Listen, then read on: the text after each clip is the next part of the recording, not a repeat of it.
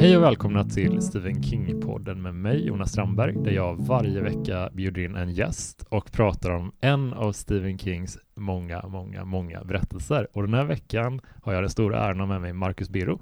Ja.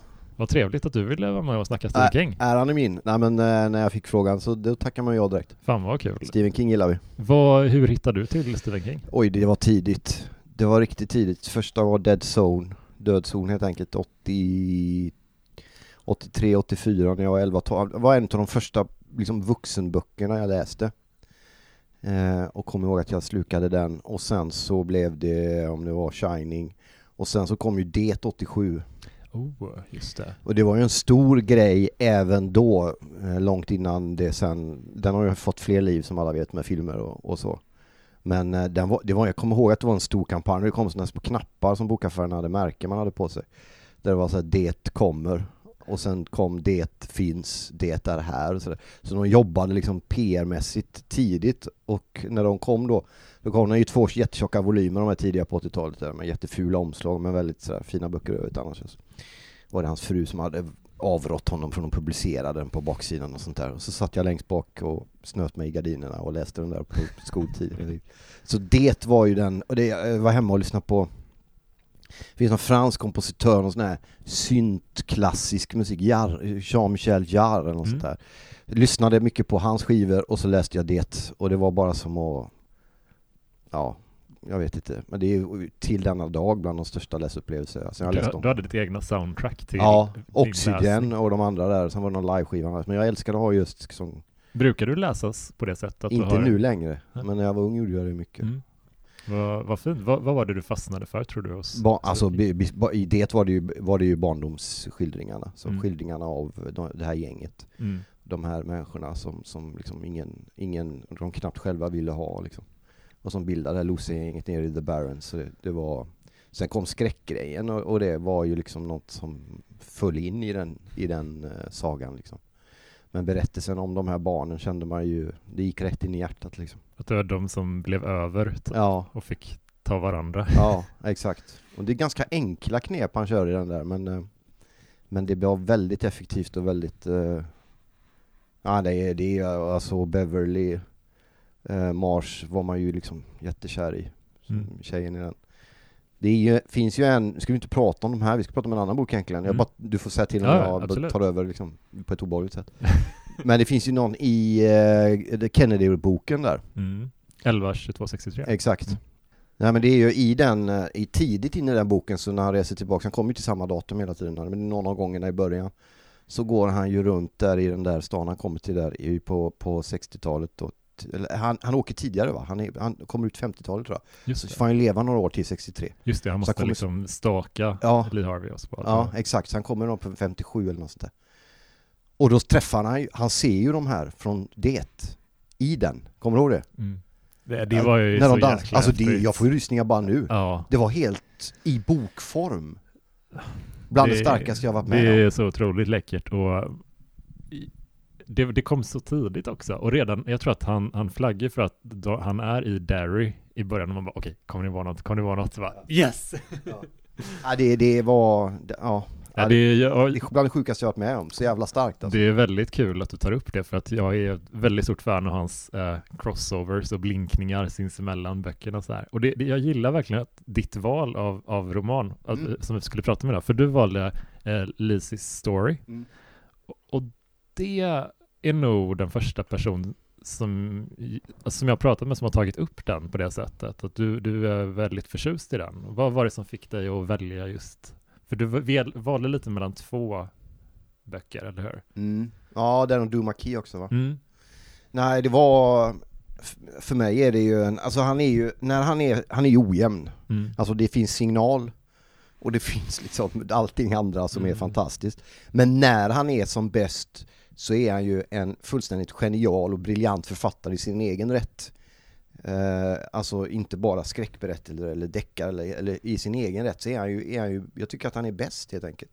Och när han får till det, när han kraftsamlar verkligen för den typen av historier som man, som han gör i Life is Story, så får han ju, han, han berättar ju om livet på ett så otroligt, det, alltså komplicerade saker på ett sånt jävla bra och enkelt sätt liksom. Den boken är, ja, det är bara en sån kärleksförklaring, en av de vackraste kärleksförklaringarna som jag har läst överhuvudtaget och då älskar jag att läsa Marcel Proust och, och Edith Södergran och Karin Boye och massa annat också. Men det är få som kommer så nära in på genom att beskriva känslor som Stephen King gör i den boken. Jag blir bara så otroligt berörd av den. Mm. Och också när den kom, och så, det kändes som att han hade en liten annan approach, han var med i lite andra sammanhang den fick väl inget jättegenomslag i Sverige i alla fall, utan den liksom smög in. Han har skrivit en annan, inte så mycket skräck, det är mer andra och sånt där. Och också läst en del forum, tyck, en del tycker att den är lite sådär, att det inte, men jag, för mig är det bland det bästa han har skrivit.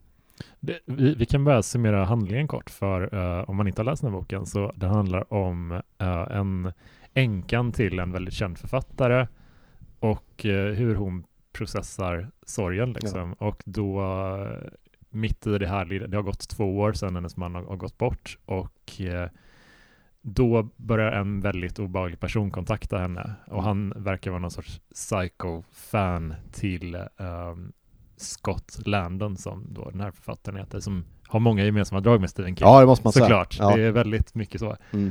Och då får man lite följa hur hon hanterar det och deras liksom, spelet dem emellan. Men jag ska vara ärlig med det, för jag började läsa den här för drygt tio år sedan och läste kanske hundra sidor och kämpade verkligen med den då. För att jag hade läst ganska mycket Stephen King fram till dess och jag kände att jag kände inte igen mig så mycket i honom. Han använde mycket, eh, det är väldigt mycket interna ord som han och eh, hans fru använde, liksom ja. Scott, hans fru. Mm. Och då, de här orden hakade jag upp mig väldigt mycket på, att jag förstod dem inte. Eh, vad menar, allting liksom, man kom ju in i det snacket efter ett tag, men de första hundra sidorna hade jag väldigt svårt med det, mm. så jag la ifrån mig den. Mm. Och kanske för ett halvår sedan tror jag, så plockade jag upp den igen och läste den. Och så läste jag den igen nu för vårt snack. Och tyckte verkligen att, fan, jag är glad att jag tog mig igenom den här boken. Mm. För den är så, den betalar sig verkligen. Den är väldigt flummig om man ska säga, mm. flummig, flummigare än han brukar vara. Mm på det sättet att man hoppar mycket i tid, man mm. hoppar mellan olika liksom eh, fantasivärldar och verkliga världar och det är väldigt mycket sånt men mm. den är väldigt ankrad i relationen mellan, mellan det här kärleksparet då. Mm. Vilket jag tycker är det som gör att man kommer in i den efter ett tag på något sätt. Mm. Nej men jag, jag, kan förstå det, jag, jag hade väl kanske också det lite det här hoppet mellan världarna, jag ganska tidigt bestämde mig för, eller lät honom bestämma åt mig, att den där fantasivärlden är liksom, visst den är, den är befolkad och det finns den långa pojken och, och lite sånt där. Mm. Eh, klassiska skräck Stephen King-figurer. Men det är framförallt en plats som har med skrivandet och läsandet att göra, alltså en mötesplats där den som skriver och den som läser möts. Mm. Och tänkte man på den på det sättet så tyckte jag det blev liksom lite lättare att, komma in i de här lite flummigare delarna. Ja, det är sant. Jag tolkar den väldigt bokstavligt också. Ja, och no. kände väl på något sätt att nu, nu är de i den här andra mm. dimensionen typ. Mm. Men, men, du som är författare, känner du igen mycket av den liksom skildringen? Ja men det, så är det ju, det, alltså, utan några jämförelser i övrigt överhuvudtaget liksom, naturligtvis. Men med det sagt så är det klart att man känner igen, man är ju, jag är ju också helt besatt och passionerad av Alltså det är närmast kvantfysiskt omöjliga i att en människa man aldrig har träffat kan skriva en bok för 300 år sedan långt bort i något konstigt ställe eller för 30 år sedan eller häromdagen och, och man har aldrig träffat den personen och sen så går man och köper den boken och läser den och så handlar den om mitt liv liksom. Det mötet mellan skrivande och läsande är, är otroligt mm. fascinerande om man jobbar med språk och skrivande liksom. Ja.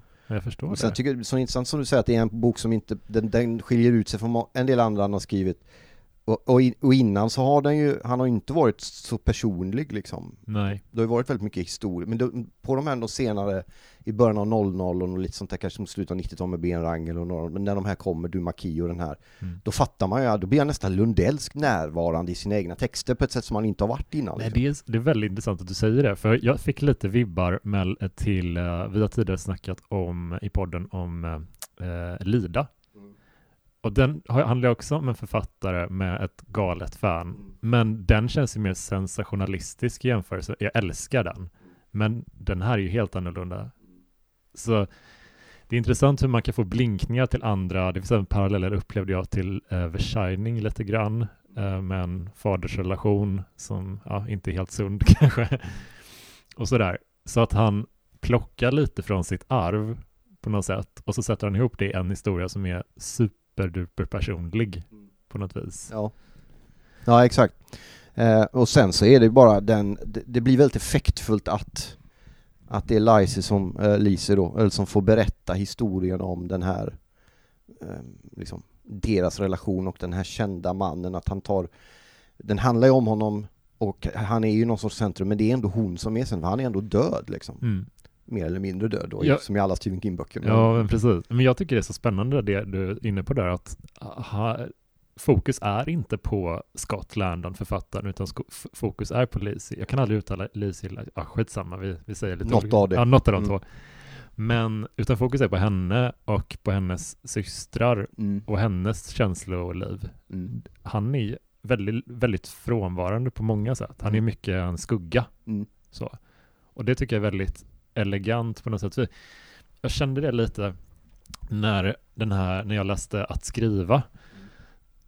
Att det är, en, det är det närmsta en självbiografi han har kommit. Uh, men den är också sammanslagen med en instruktionsbok till hur man blir en författare. Verktygslåda. Ja, ja men precis. Det är verkligen någon sorts, han kan aldrig gå fullt ut att vara, han är, det är något, något blygsamt i honom, får man intrycket av. Att han kan inte göra en renodlad självbiografi. Han, han han lägger liksom, inte ens den här boken som är extremt personlig, så handlar den om hans avatar, Nej. eller vad man ska säga, utan Nej. det är om kvin kvinnorna runt ja. som det handlar om. Mm.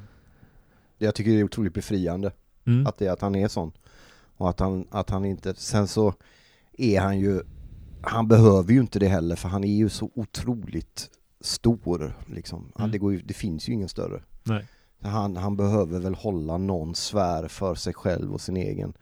Och jag tror att den sfären säkert har blivit viktigare ändå med tanke på att en del av hans böcker har blivit lite mer personliga. Liksom. Vad tror du den eh, process, eller hur tror du den processen har sett ut för honom att bli mer personlig med åldern?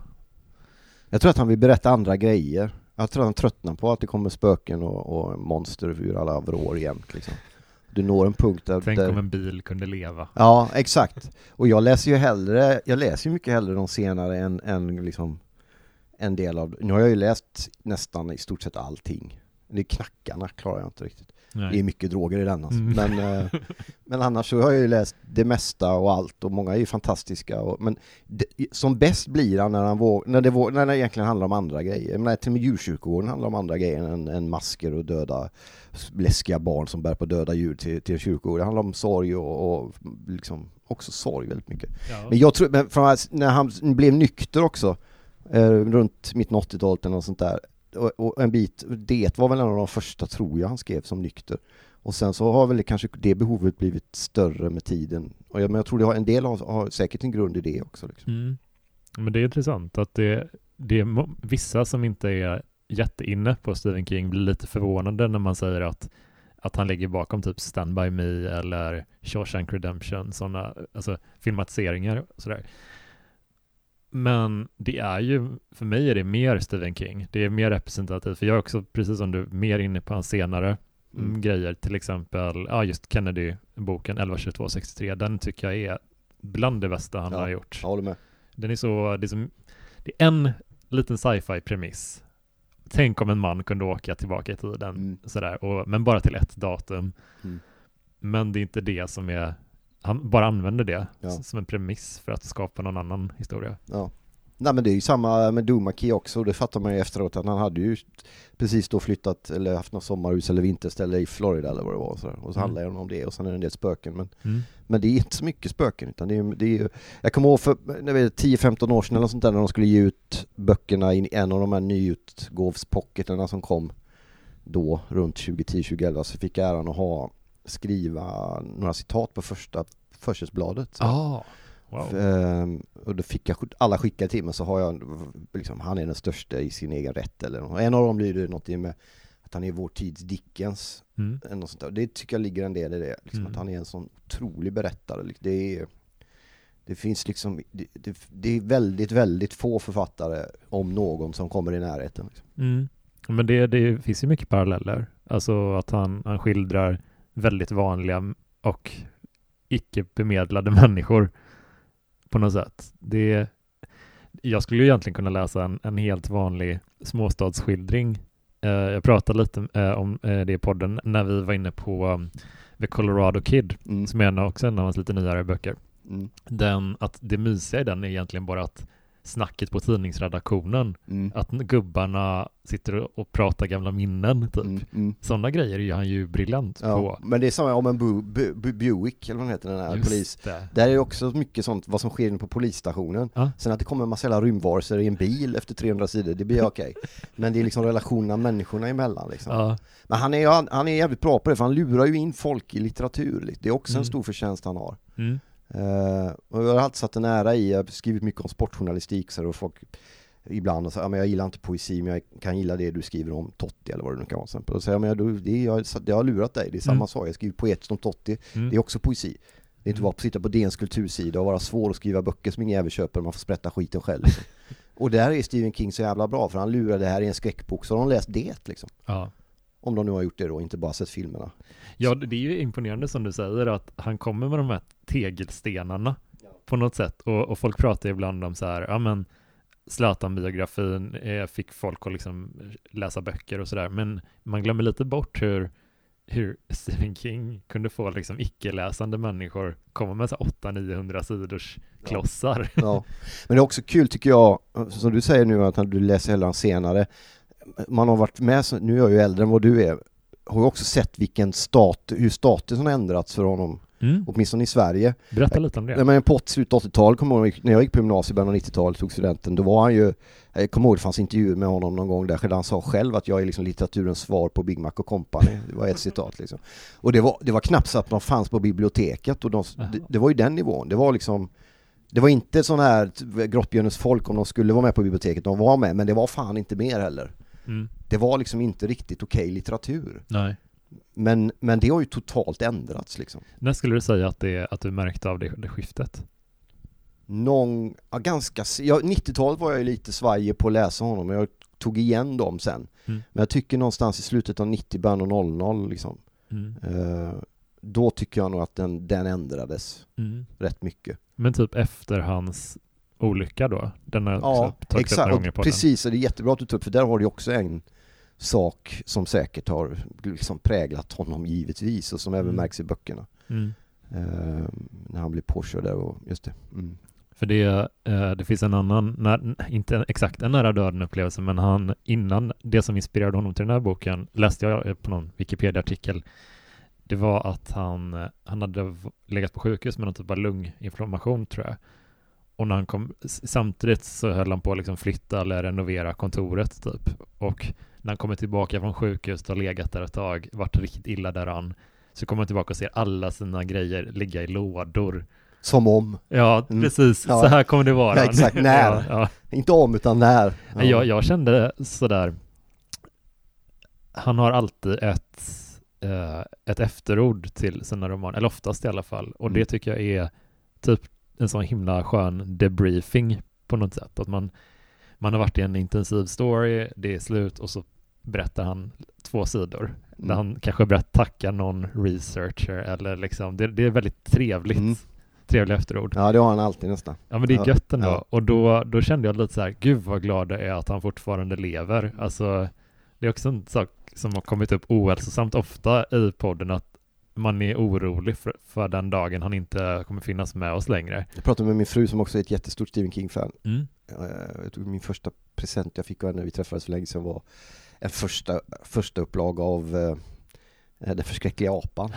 Wow, Ja, gud vad. Precis hade träffat. Men hon, hon är ofta inne på det och skickar bilder på honom nu. Och han ser ju äldre ut för han är ju gammal liksom. Ja. Så den dagen han, vad gör vi då liksom? Nej, jag, jag kommer, vad kommer du Ja, ja, det är ju, man har ju, jag vet, jag kommer sätta mig och skriva ett jättelångt inlägg på Facebook. Ja. Liksom. Ja. Men, men jag är ju glad att han, han har ju skit han har ju såklart han har miljoner. Men jag har ändå, dels den här när jag fick vara med på pocketgrejen var ju stort för mig, men, men också genom åren berättat ja, i sådana här sammanhang eller när man får chansen och någon är intresserad av att lyssna. Eller jag var mycket ute i gymnasieskolor för 12, 10-12 år sedan uppträdde.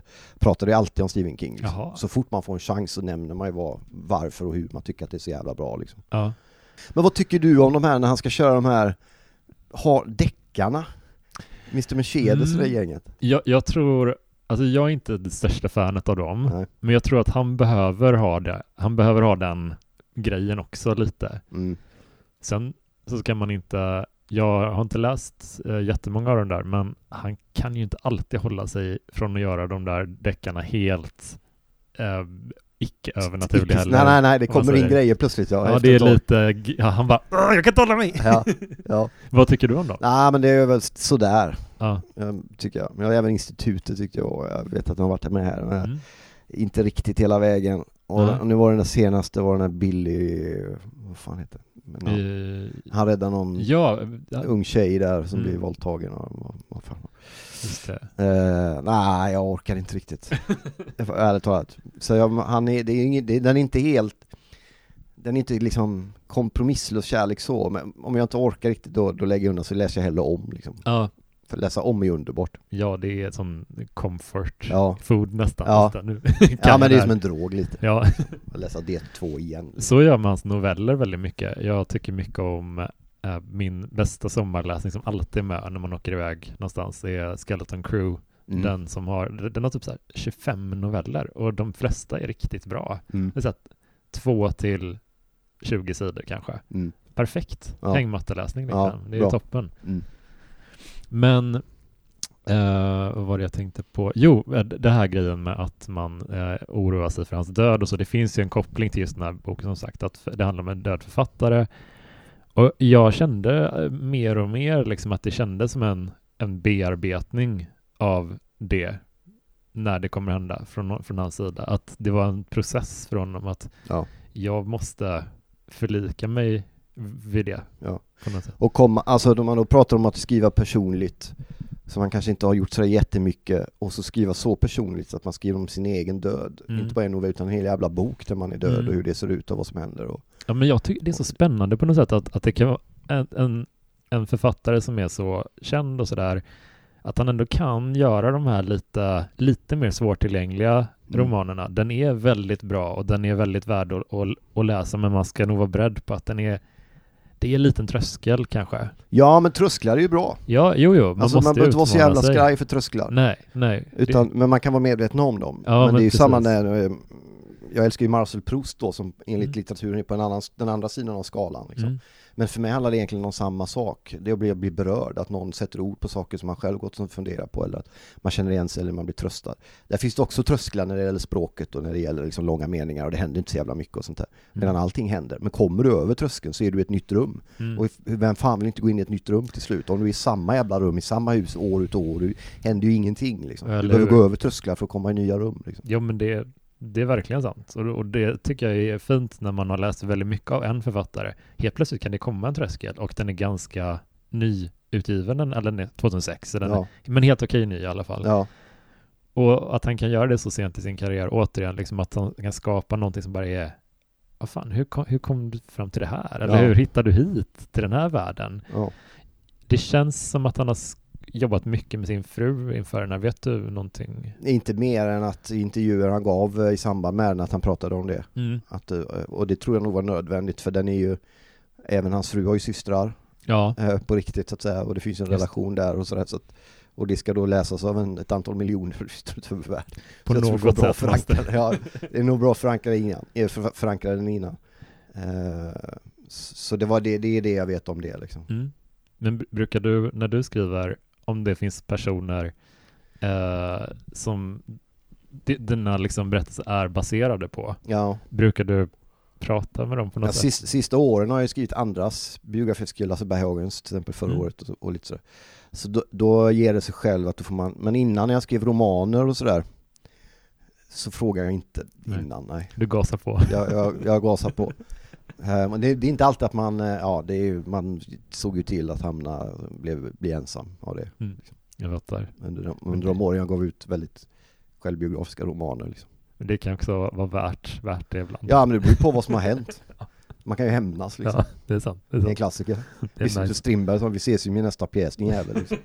Don't fuck with me. Ja men bråka gärna med mig men då får du checka upp det Ja, liksom. det är också en sån, jag älskar den grejen att, att marinera någonting Mm. och så tills en, en roman eller en pjäs liksom. Ja men då har ju, ja, exakt för då, Det- du, ilskan har liksom Den- för länge sedan men du vet nej. Utan du Nej, men väntar jag in. kan ju verkligen vara så här att man blir irriterad på en person ibland och så bara, alltså man vill bara ropa ut någonting. Ja. Din jävla idiot liksom. Eh, eller skriva något elakt på Twitter eller någonting. Mm. Men att hålla i det så länge, Ja, ja, det är ju eh, maffiadraget.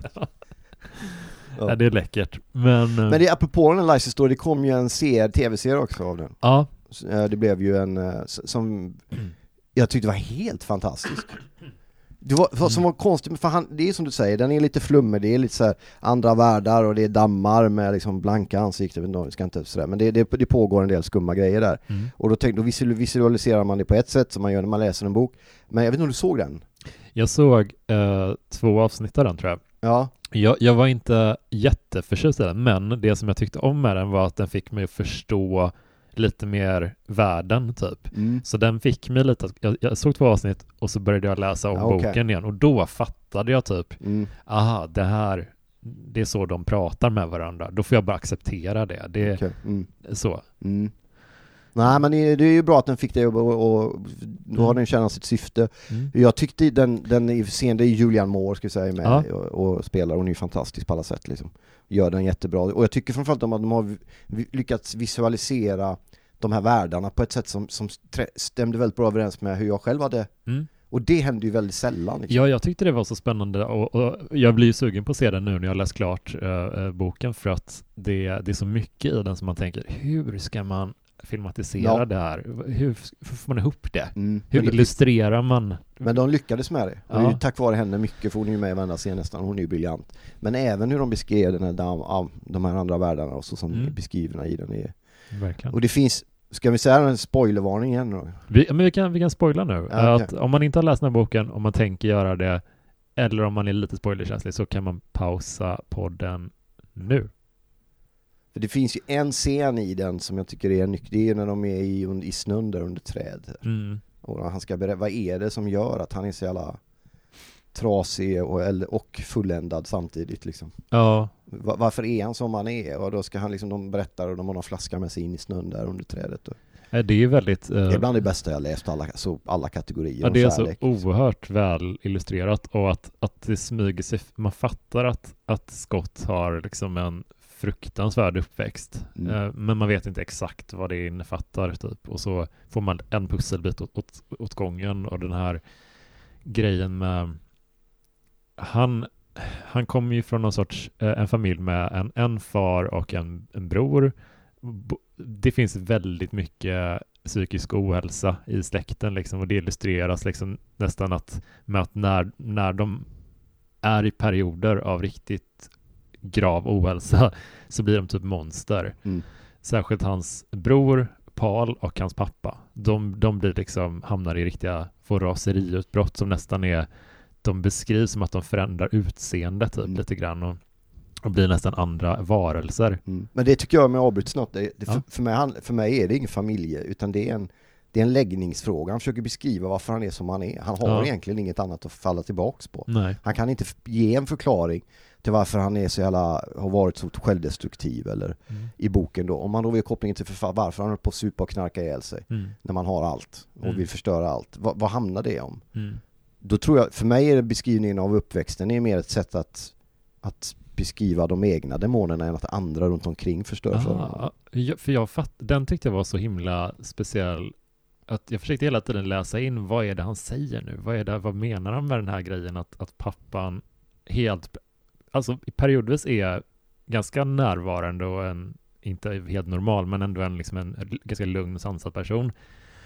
Och i andra stunden kan han få vansinnesutbrott och liksom försöka hugga ihjäl sina barn liksom med Mm. en sån pickaxe typ. Och, Men, det, men de, de hämtar, de- den kraften, han är samma kraft som, som liksom i början när han kör ner händerna genom glasrutan själv och håller på. mm. Det är ju en självdestruktivitetsgrej, men Mm. den kan lika gärna handla om missbruk till exempel. Det är Mm. också en personlighetsförändrings... Gud vad intressant. Så jag såg det mer ännu flummigare än vad den Men gud, det är så intressant att, är- att, att eh, du är så här ändå läser in och jag bara tänker, ja det var precis så som han skriver då. Ja. Alltså, Nej jag bara, oj, jag, du, jag har ingen aning, det, är ingen, det finns ju inget Men rätt det, är eller jätte, fel. det är jätteintressant verkligen. Det är olika sätt att, att läsa det bara liksom. Ja, Man får väl fråga Stephen King om hur han har tyckt och tänkt, men så tolkar jag det. Jag har inte varit med om, jag har ändå läst helt okej mycket skönlitteratur liksom, men jag har inte varit med om att det är en, en berättelse att man kan läsa in så olika saker i den på det sättet. Nej men den är ju, den är ju som du sa i början helt rätt, den är ju flummig. Men den är hela tiden jävligt välskriven och det finns en närvaro, det finns en passion och en känsla, inte bara flummig för flummighetens skull. Mm. För då blir det dadaism, då blir det till slut ett språk som ingen förstår. Nej. Och det är helt ointressant. Han har alltid varit väldigt noga med att lägga fram det flummiga på ett sätt som gör att man ändå känner sig attraherad av att Ja. läsa det. Precis, och så fort man känner att nu börjar de glida iväg lite iväg i det här, alltså den, den här kreativa världen då som, som de kan gå till lite. Mm. ehm, som är någon sorts annan dimension liksom, eller whatever. Men när man känner att det börjar bli för flummigt, då börjar Lizzie få sådana här vardagsbestyr istället och hantera sin systers liksom, eh, mentala ohälsa. Hon ligger inlagd. Och hon får liksom vardagsproblem då Mm. som hon får fixa med. Så att det blir så skönt, en skön landning. Så, Mm. Okej, nu- fatt, det är som att Stephen King fattar att nu, nu blir det lite mycket här för Nu det kanske, skumt. Ja. så nu landar vi i några kapitel med Mm. hennes, ja, hon måste ha poliskontakt eller lösa saker eller du Någon vet, som, död katt i brevlådan. Ja, Mm. det blir väldigt eh, påtagligt på Mm. något sätt. Men också det liksom, vet, vi har som motto i, i, som vårt äktenskap att jag ska alltid ropa hem dig. Mm. Är ju, det, för mig är det en, en sån otrolig kärlekshistoria som, där inte ens döden Döden spelar liksom ingen roll i Nej. den kärlekshistorien för att den, den övervinner det liksom. Mm. Det, det, sånt gillar man. Ja, men jag satt och fixar gåshud när, när jag läste, det är inte precis, men det är väldigt nära slutet, det är när Lizzie är på Scotts eh, gamla kontor och det är tomt och hon, eh, hon säger farväl till honom lite där. Det är en så fin sätt att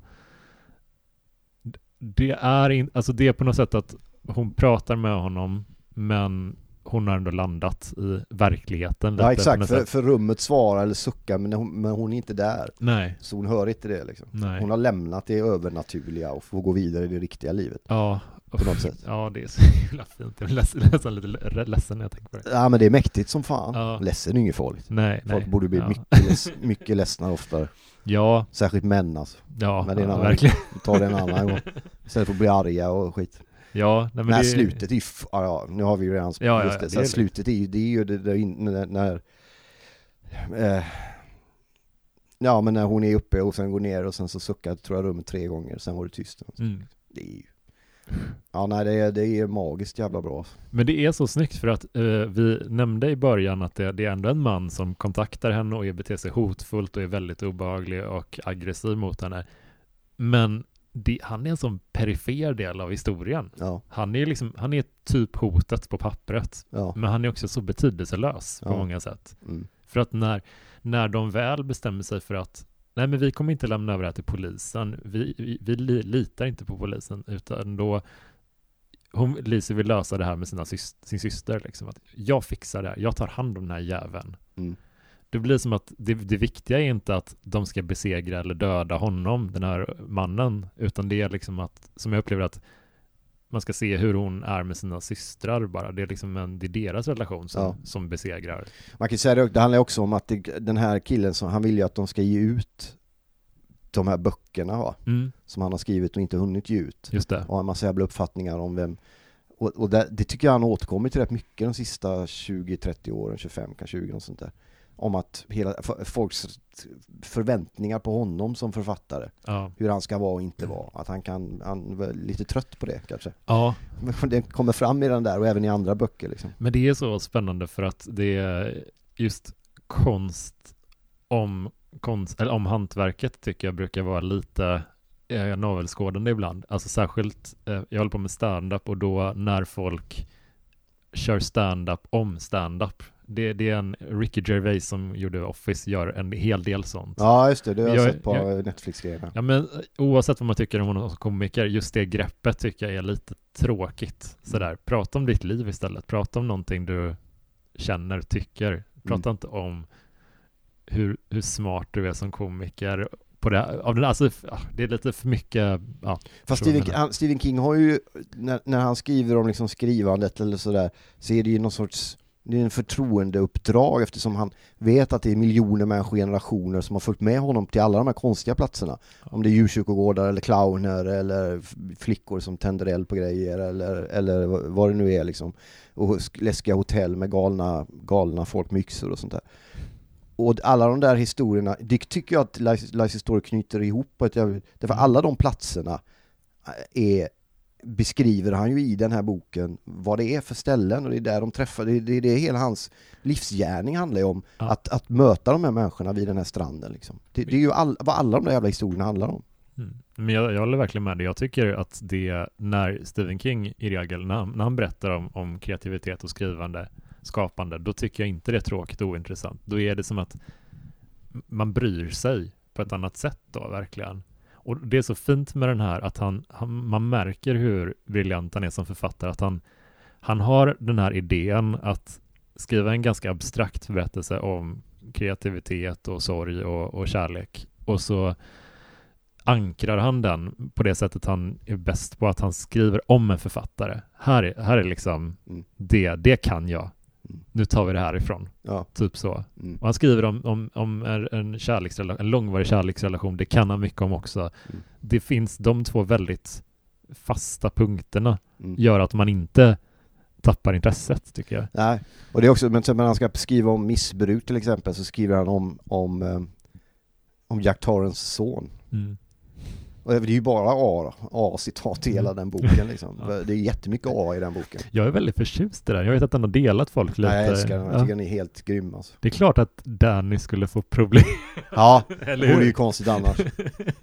Han går bara vidare i konstigt. livet och blir en välfungerande man med ett helt vanligt jobb. Nej, det vore ju skumt. Det finns en grej i filmatiseringen där, där, man, när han kommer in på, har du sett den? Ja. När han kommer in på hotellet där Mm. och går fram till baren. Den är en fin scen. Eh, och pratar just, då, då vågar de ju, för han, har ju, han hatar ju som alla vet Shining-versionen för att den liksom, ja det har han ju rätt i. Mm. Jag, tycker, jag, jag tycker att den är, han gjorde en serie på 90-talet själv med Rebecca De Mornay tror jag var med bland annat. Ah. Och någon till där, där de gjorde den i tio delar, något sånt där Shining. En del tycker, de flesta tycker den är dålig, alla älskar nästan filmen Shining. Men Jack Nicholson ser för fan galen ut i första scenen och det har han ju rätt i. Han ser helt galen ut. Alltså det händer ju ingenting. Och missbruksgrejen är ju helt borta ur filmen liksom. Ja. I alla fall, men i den filmscenen där så är det någon annan som spelar Jack Nicholson som pappa. Just det. Och där hade man ju tänkt, fan om inte, kunde inte han klivit in i en kvart och gjort den här skiten Mm. liksom. Verkligen. Den är, jag, jag var väldigt förtjust i den. Jag såg den Director's Cut-versionen av Dr. Sleep. Och bara, fan vad det här är ju jättebra. Alltså jag, Hur, var- hur var den? Den har inte jag i förhållande till den Ja, som men kom. den, den, var så, den var så rejäl på något sätt. Den är typ tre timmar lång sådär. Det är en riktig helaftonsrulle typ. Ja. Och så den är uppdelad i kapitel. Det är kanske den andra är också. Men den är verkligen som att man, alla karaktärer får jättemycket utrymme och alla har tydliga motivationer och sådär. Det är jättevälgjord. Okej, fan. den eh, rekommenderar jag verkligen. Den ska jag kolla in. Ja. Men eh, om man ska... Vem skulle du rekommendera Lizzys story till? Ja men jag, jag med bångstyrighet, jag förstår att den är till, till, till, alla. Mm. Och till, till framförallt de som kanske, ja men båda de som läser Stephen King och möjligen befinner sig i samma rum i ett samma hus ett tag, och ta ett steg över och läsa någonting annat. Eh, Men också de som, som bara tror att, eller lite snobbiga, de som bara tror att Stephen King skriver om skräck och läskigheter. Liksom. Vill Mm. man ha en fin, lite poetisk, kanske inte helt igenom superenkel kärlekshistoria som liksom korsar dödens gräns och tillbaks så kan man läsa den om man är intresserad av det Mm. och ha utbyte av den. Det borde de ha på eh, den Ja, pocketutgåvan. de får jag. ringa igen. Ja. Det, det var Återutgivning. det var andra som fick göra den och FC och, och men ja, det är bland de jag visar mina, jag har ju kvar dem. Jag visar mina, inte allt mina barn, allt jag gör, verkligen inte. Men just Stephen King-omslag så att jag fick ha mitt namn på Det det. är så jävla det, stort. det är så jävla stort, du fattar hur stort Ja, ja, det är. det är liksom. klart. Alla gör inte det, men eh, det lever jag på fortfarande. Ja. Alltså det är tio år sedan snart. Ja. Fan vad viktigt. Nej, men jag, jag tycker det var väldigt kul eh, att du ville vara med i den här podden för att eh, det jag känner mig lite dum som bokstavstolkar exakt allting i, i den här romanen. Men det är kanske du som har rätt och jag Men- som har fel. Det är väl ingenting men, som men har... det är också Bara för att jag låter poetisk tolkning, har företräde, behöver inte betyda att det är rätt. Nej, men alltså, Hade jag, vi haft Stephen King hade han sagt vad fan pratar du om? Ja. Det är klart att det är hans pappa slog i honom, det är ingen jävla det står ju på omskrivning. pappret. Ja, ja, exakt. Men det är ju det som gör den boken så jävla intressant med. Ja. Ingen har rätt och ingen har fel. Nej, men det, det tycker jag är intressant att, att, att det blir en liten uppdelning i hur man tolkar det. Så det, det är också därför tycker jag det var extra intressant att prata med just dig om den, för att, att vi visade sig oss ha ganska olika uppfattningar om det Mm. på något vis. Men eh, om man ska säga, eh, har du några, är det någon detalj som du tycker att vi har, vi har missat att lyfta av, av den här fina romanen? Nej, inte mer än just hur, hur liksom den här his- kärlekshistorien mellan, för det, det är, alltså att en kärlekshistoria börjar med att någon inte är med, den brukar ofta handla om två personer som möts på olika Mm. sätt. Mm. Här är en död hela boken liksom, Ja, från början. Men hur den ändå träder fram och hur levande, hur de levande gör varann liksom. ja, Hon honom och tvärtom fast han inte lever. Det, det är, den är, det är helt jävla enastående gjort liksom. Bara läs den. Ja, verkligen. Och det just den, eh, den utgåvan som jag läste nu, eh, då på omslaget så är det ett citat från författaren Nicholas Sparks som jag inte är överdrivet förtjust i, men han har verkligen sin publik.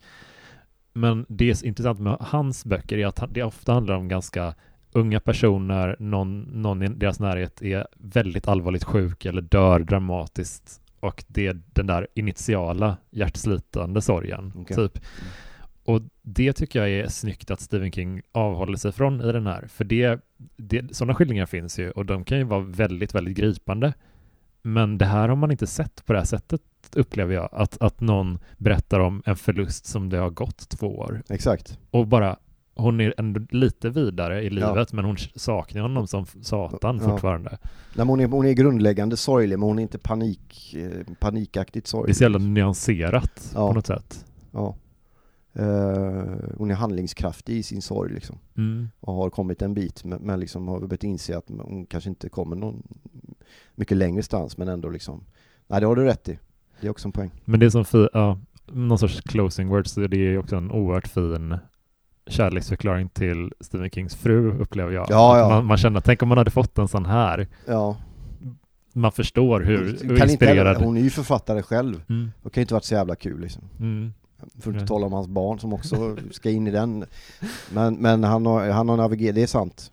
Eh, det är det sannerligen. Mm. Eh, har du varit utanför hans hus? Nej, har du det? Nej, nej. Jag vet men, men jag har det? bara sett det på bild. Liksom. Ja, ja. Och du har inte träffat, han har ju varit på några mässor i Europa och sådär men Nej, jag, jag drömmer verkligen om någon gång att få se någon föreläsning eller någonting. ja. med honom. Har du försökt komma i någon kontakt eller någon gång? Bara via typ eh, via hans svenska bokförlag och det, han ska släppa en bok nu i höst. Ja. Så, så ville de skicka lite böcker eh, och då passade jag på att fråga om han skulle kunna tänka sig att få prata eller byta några ord med honom. Ja. Men han är tydligen inte superpigg på att ge intervjuer Nej. just nu i alla fall. Så. Nej. Men det hade ju varit en dröm alltså. Ja, fy fan. Vad hade du frågat? Om du fick ställa Nej, en jag, fråga jag, till honom? ja, jag vet inte. Jag hade inte sagt Ja, det, jag, jag, det har varit som att träffa Thåström liksom. Ja. Det är för stort. Ja. Var ska man börja liksom? ja det finns, all, allt låter ju banalt. Ja, och, och, och så är man, man vet att, att man är en av miljoner som står på kö för att kramas. Ja, ja. Det är det enda man vill göra, för att Ja. han har betytt så jävla mycket liksom. Eh, och jag tycker att det är så jävla, återigen med lite mest tidsmässiga perspektivet, att han inte bara är, som han var då, liksom någon sorts underhållningsförfattare och det är kul att läsa den här halvtrasiga jävla pocketupplaget som kom som föll ihop eh, efter 30 sidor och sånt där, utan, och människor tycker att ja, men han kan ju underhålla folk med sina läskiga spöken, medan nu han har förändrat människors liv och de har satts i samklang med historier, så kärleks och barndomsskildringar och, och hämtat styrka och tröst i det han har skrivit. Mm. Om någon hade sagt det på 80-talet att den jävla gubben där, han kommer kom ju på andra sidan både sprit och droger och bilolyckor och skit och skriva böcker som kommer beröra miljoner människor in i hjärtat. Mm. Vem? Han som skriver om spöken och du vet, skit. Bilar som lever. Ja, bilar som börjar leva och sådana grejer, du vet. Ja, exakt. Och galna hundar och allt vad fan det är, ska den jäveln skriva? Ja, alltså hans, hans författarskap är ju magiskt på det sättet, den Mm. resan han har gjort liksom. Mm. Så att svar på, jag skulle nog jag skulle hoppas inte det händer på ett sätt. För jag vill bara krama och gråta och sen har de fått leda mig därifrån. Liksom. Ja. Så Det- stor är han. Ja, det är väldigt, eh, väldigt fina closing words. Ja, Det det, var, det jättekul att prata med dig Marcus. Ja, tack Det detsamma. att Känns som vi gjort innan. Ja, jag är verkligen. jätteglad att jag fick komma hit, så stort Men tack det, för inbjudan. ja, det var, du, varmt välkommen tillbaka någon gång om Ja. du har tid och sådär. Men uh, uh, vad, vad kan man följa dina projekt och sådär? Eh, sk- ja, sk- Studio Allsvenskan om man gillar fotboll. Ja. Kan man läsa där. Eh, och sen så kommer ut med en kille som heter Per Karlsson, Mm. trotjänare i AIK i 100 år. Hans självbiografi kommer ut i höst. Fan vad gött. Så det är det som är närmast planerat. Vad roligt. Ja. Eh, tack för att du var med Tack för att jag fick vara med. tack för att ni har lyssnat. Och eh, om ni har läst den här boken eller om ni är nyfikna på den eller om ni har liksom, tankar kring avsnittet så kommentera gärna i kommentarsfältet och så hörs vi om en vecka igen. Hej då!